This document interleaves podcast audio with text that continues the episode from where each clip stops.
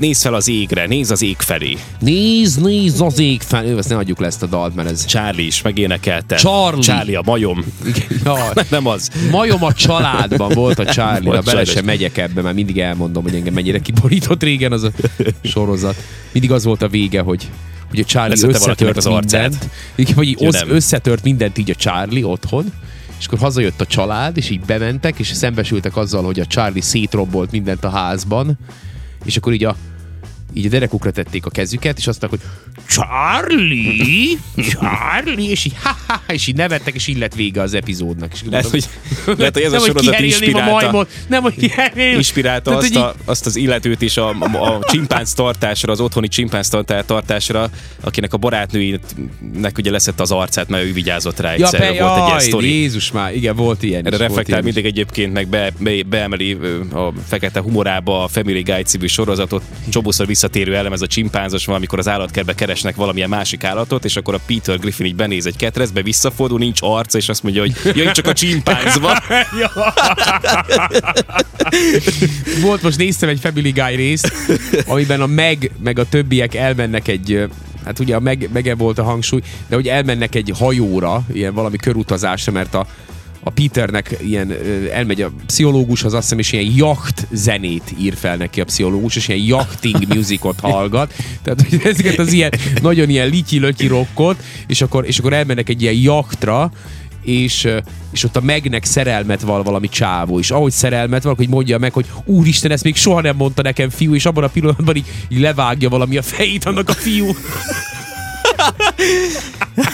Igen. hogy így, ez, a, ez az esély is Meg, meg elszállt. története abban Ja. a sorozatban elég szomorú egyébként, ha ismeritek a sorozatot, akkor hogy ezt nyilván tudjátok. Az eredeti hangja egyébként a Mila Kunis, ami nekem így meglepő volt, ugye a, a, hát a, 9, hát a 2000-es évek egyik nagy szex szimbólum a, a Mila Kunis, és Nem valahogy össze, összehasonlítod az ő szerepével. Nagyon jó egyébként a sorozat angol szinkronnal is, meg, Igen. meg magyar szinkronnal is amúgy. Tehát teljesen összeforrott már a karakterekkel egyébként. Összefortak ezek a hangok.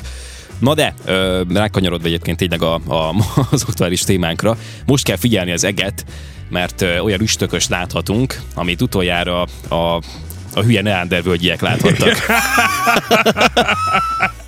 Azok így néztek föl, és nem, nem nem értették. értették. Igen, már most voltak valamilyen frissebb kutatások, amik arra, arra utalnak, hogy lehet, hogy mi is a neandervölgyiektől származunk végül is. meg majd, meg majd vagy származnak bizonyos emberek attól is, vagy vannak ilyen felmenőink is. 60 ezer év múlva, vagy rajtuk fog röhögni valaki, két ember, hogy ott azok a, a homo sapiensek, Igen, 2020 hogy és majd bennünket parodizálnak valószínűleg. Igen. Szóval tényleg régen lehetett ezt utoljára látni, és hát azt mondják a csillagászok, a számításaik azt mutatják, hogy soha többé nem tér vissza egyébként Aha. ez az üstökös, ez a CPER 2022 E3, zárójelben ZFT, Aha. NFT, Igen. kódjelű üstökös. Távolodik a naptól, és hamarosan szabad szemmel is látni lehet majd. Egy nagyon különleges csillagászati eseménnyel állunk szemben. Úgyhogy, úgyhogy hát érdemes kémlelni az eget. Elvileg szabad szemmel is látható, de hát hogyha van még valamilyen konkrétabb felszerelésünk, ö, akkor, akkor hát érdemes kilátogatni a mezőre. Igen. Ahol nincs olyan nagy fényszennyezettség az égbolton. Egyébként annak idején még nevettünk ezen a fényszennyezettségen, és én megkövetem magam, mert az az igazság, hogy én most egyre többet találkozom ezzel a fogalommal is, hogy utána olvasgattam a az elmúlt pár évben, két-három évben úgy valahogy mindig szembe jöttek ezek a cikkek, és azt kell, hogy mondjam, hogy ez tényleg komolyan befolyásolja azt, hogy mi mit láthatunk az égen, és Jó, mit persze, nem. persze. Tehát, hogy ez teljesen így van, és, és hát, hát na, szóval e- ez sem, ez sem pozitívan befolyásolja a mi, mi, mi kilátásainkat sok szempontból.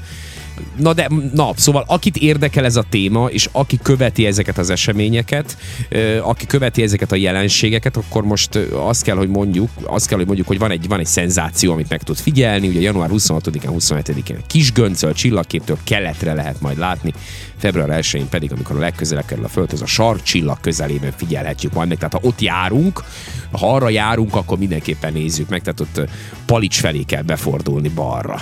Igen, igen. És akkor, és akkor akkor ott, a, ott kis Radonovác. Radanovácz. Ott, ott a sarkcsillag, sarkcsillag arra van. Úgyhogy arra. Ott ilyen zöld fényeket is lehet látni, mint a, a déli sarkon. Persze, persze. Vagy az nem, az, az, az, az amarra van, azt hiszem, az, az, az ott van a, ott van a ludasító körül. a ludasi soron.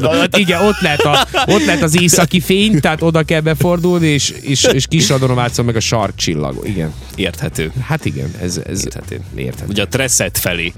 Na, Igen.